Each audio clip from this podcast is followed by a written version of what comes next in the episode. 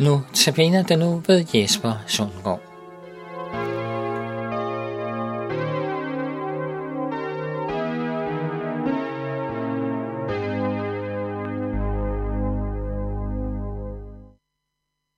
Overskriften for dagens andagt er Gud vil lade landet blomstre op. Hvad vil Gud gøre med Israel i fremtiden? Det er spørgsmålet for denne uges andagter, og der er nok at tage fat på, for der er mange løfter, som vi stadig venter på, at Gud vil opfylde. I de foregående dage har vi hørt om, hvordan Gud vil samle det jødiske folk, selvom de er spredt ud over hele jorden.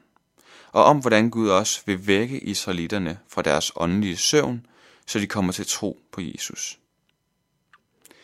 Den Gud, vi tror på, er en Gud, der genopretter det ødelagte og lader det visne spire frem.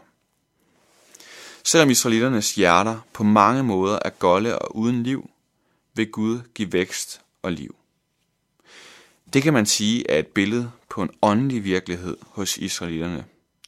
Men denne opblomstring og vækst vil ikke kun være en åndelig vækst, men vil også blive synlig i naturen. Gud taler nemlig gennem sine profeter til bjerge og dale, til veje og stier, til ørkner og marker, og befaler landskabet at spire. Lad os høre en profeti fra Esajas kapitel 35. Ørkenen og det tørre land skal glæde sig. Ødemarken skal juble og blomstre. Den skal blomstre som rosen, juble med stor fryd. Den får Libanons herlighed, Karmels og Sarons pragt. De skal se Herrens herlighed hvor Guds pragt. Styrk de synkende hænder. Gør de kraftløse knæ stærke. Sig til de urolige hjerter. Vær stærke, frygt ikke. Nu kommer jeres Gud med hævn. Guds gengæld, han kommer og frelser jer. Da skal blinde øjne åbnes og døves ører lukkes op. Der springer den halte som jorden, den stummes tunge bryder ud i jubel. For vand vælger frem i ørkenen, begge i ødemarken. Det hede sand bliver til oaser, den udtørrede jord til kildevæld. På chakalernes tilholdssted vokser rør og siv. Løfterne om israelitternes tilbagevenden til landet bliver fuldt af en række profetier om den vækst, landet skal opleve, fordi Gud velsigner det. Tilbage i midten af 1800-tallet ved vi fra flere rejsebeskrivelser, at området, der i dag er kendt som Israel, var goldt og øde. Der boede nogle få jordanske landmænd, men store dele af landet var uopdyrket. I takt med, at indvandringen til landet steg, blev mere og mere land opdyrket, og den udvikling er fortsat helt frem til i dag. Der er stadig store ørkenområder i Israel, men der skyder flere og flere projekter op, som har til formål at gøre ørkenområder beboelige og opdyrke jorden. Det er interessant med de bibelske løfter i mente.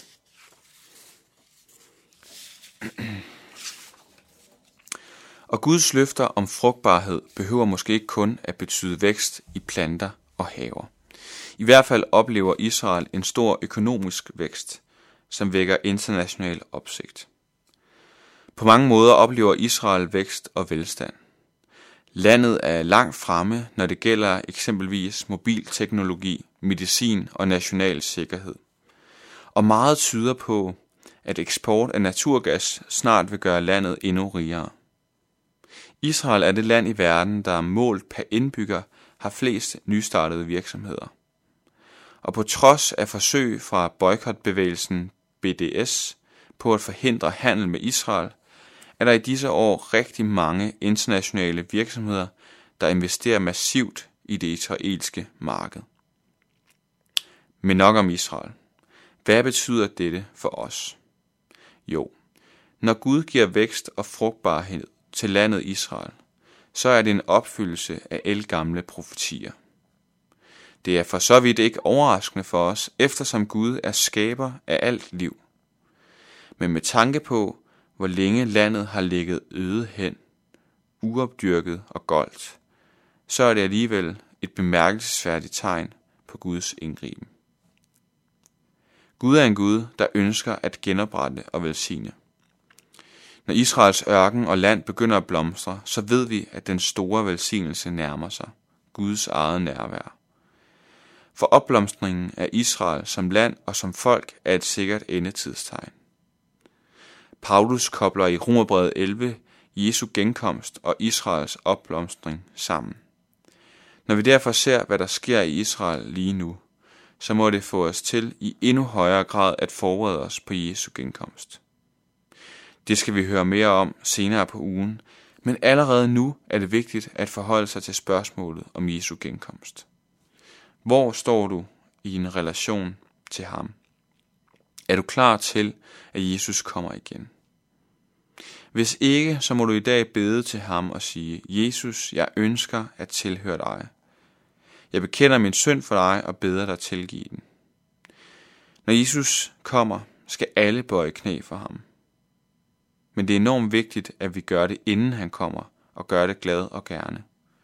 For gør vi ikke det, må vi bøje vores knæ modvilligt, og så vil Guds dom være over os.